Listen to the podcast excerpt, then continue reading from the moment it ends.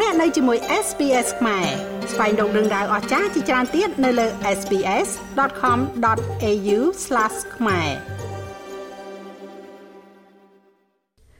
រៀននិយាយឲ្យបានច្បាស់និងប្រកបដោយទំនុកចិត្តជាមួយនឹង Janice Peterson ពី SBS World News សំឡេងថឹនិងដឹអាចថាលំបាកសម្រាប់អ្នកនិយាយភាសាអង់គ្លេសជាច្រើន ព្រោះវាស្ដាប់មើលទៅស្រដៀងគ្នាខ្លាំងណាស់ ប៉ុន្តែកុំបារម្ភ Jenny Peterson អាចជួយអ្នកឲ្យបញ្ចេញសំឡេងបានកាន់តែប្រសើរឡើង A tidy Tasmanian tiger tied a tiger tied to tidy her tiny tail. A tidy Tasmanian tiger tied a tiger tied to tidy, tidy her tiny tail.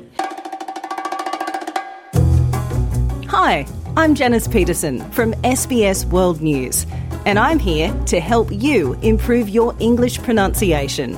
I'll explain how to make sounds that can be tricky to distinguish and also give you some ways to practice them.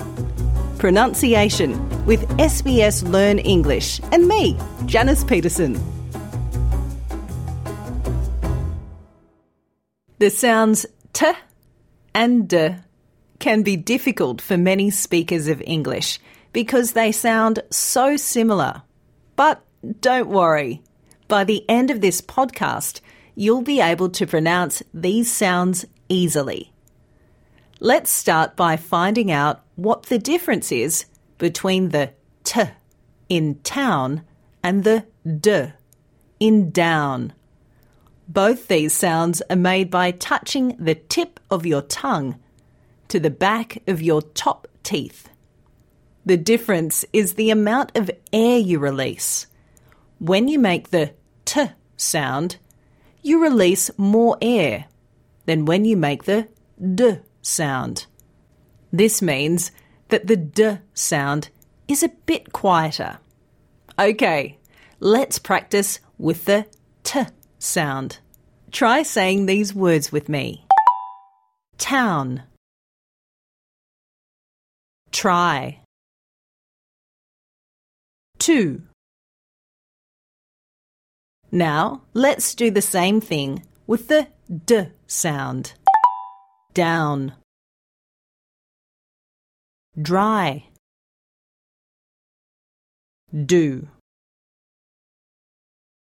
A good way to know if you're doing this properly is by holding your hand in front of your mouth and feeling how much air you're releasing. Try holding your hand about 10 centimetres away from your face and saying these words town, down. Try, dry. To, do. You can practice these sounds by putting them together in a tongue twister. A tidy Tasmanian tiger tied a tighter tie to tidy her tiny tail. Tasmanian tigers were animals that looked like small tigers because they had a striped lower back. Sadly, these animals are now extinct, which means there are none left alive. Okay, let's try that tongue twister. A tidy Tasmanian tiger tied a tighter tie to tidy her tiny tail. A tied Tasmanian tiger tied, tied a tighter tie to tidy her tiny tail. A tidy Tasmanian tiger tied a tighter tie to tidy her tiny tail. Her tidy ta- Tasmanian tiger tied a tighter tie to tidy to tidy her tiny tail. A tidy Tasmanian tiger tied a tighter tie to tidy her tiny tail. Wow, those always get harder the faster you say them. Take a listen to these learners have a go. Hi everyone. We are from Liverpool City Library. Conversation cafe. And we want to have a go with a tongue twister. A tidy Tasmanian tiger tiger, tiger, tighter tie to tidy her tiny tail. A tidy Tasmanian tiger tied a tighter tie to tidy her tiny tail. That was awesome! You've probably noticed that speakers from different countries say some sounds differently. The t and d sounds are pronounced the same way in Australian and British English. But if you like watching American movies, you might have noticed that sometimes the t sound is more like a d sound when it happens in the middle of a word. So in Australia, you might hear, I'd like a glass of water. In America, you'd hear, I'd like a glass of water.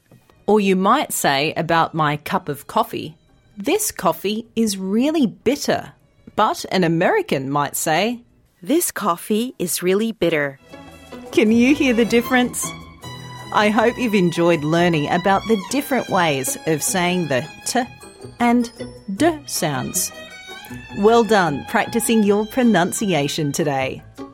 You can go to sbs.com.au slash learn English to find the tongue twister and transcript for this episode.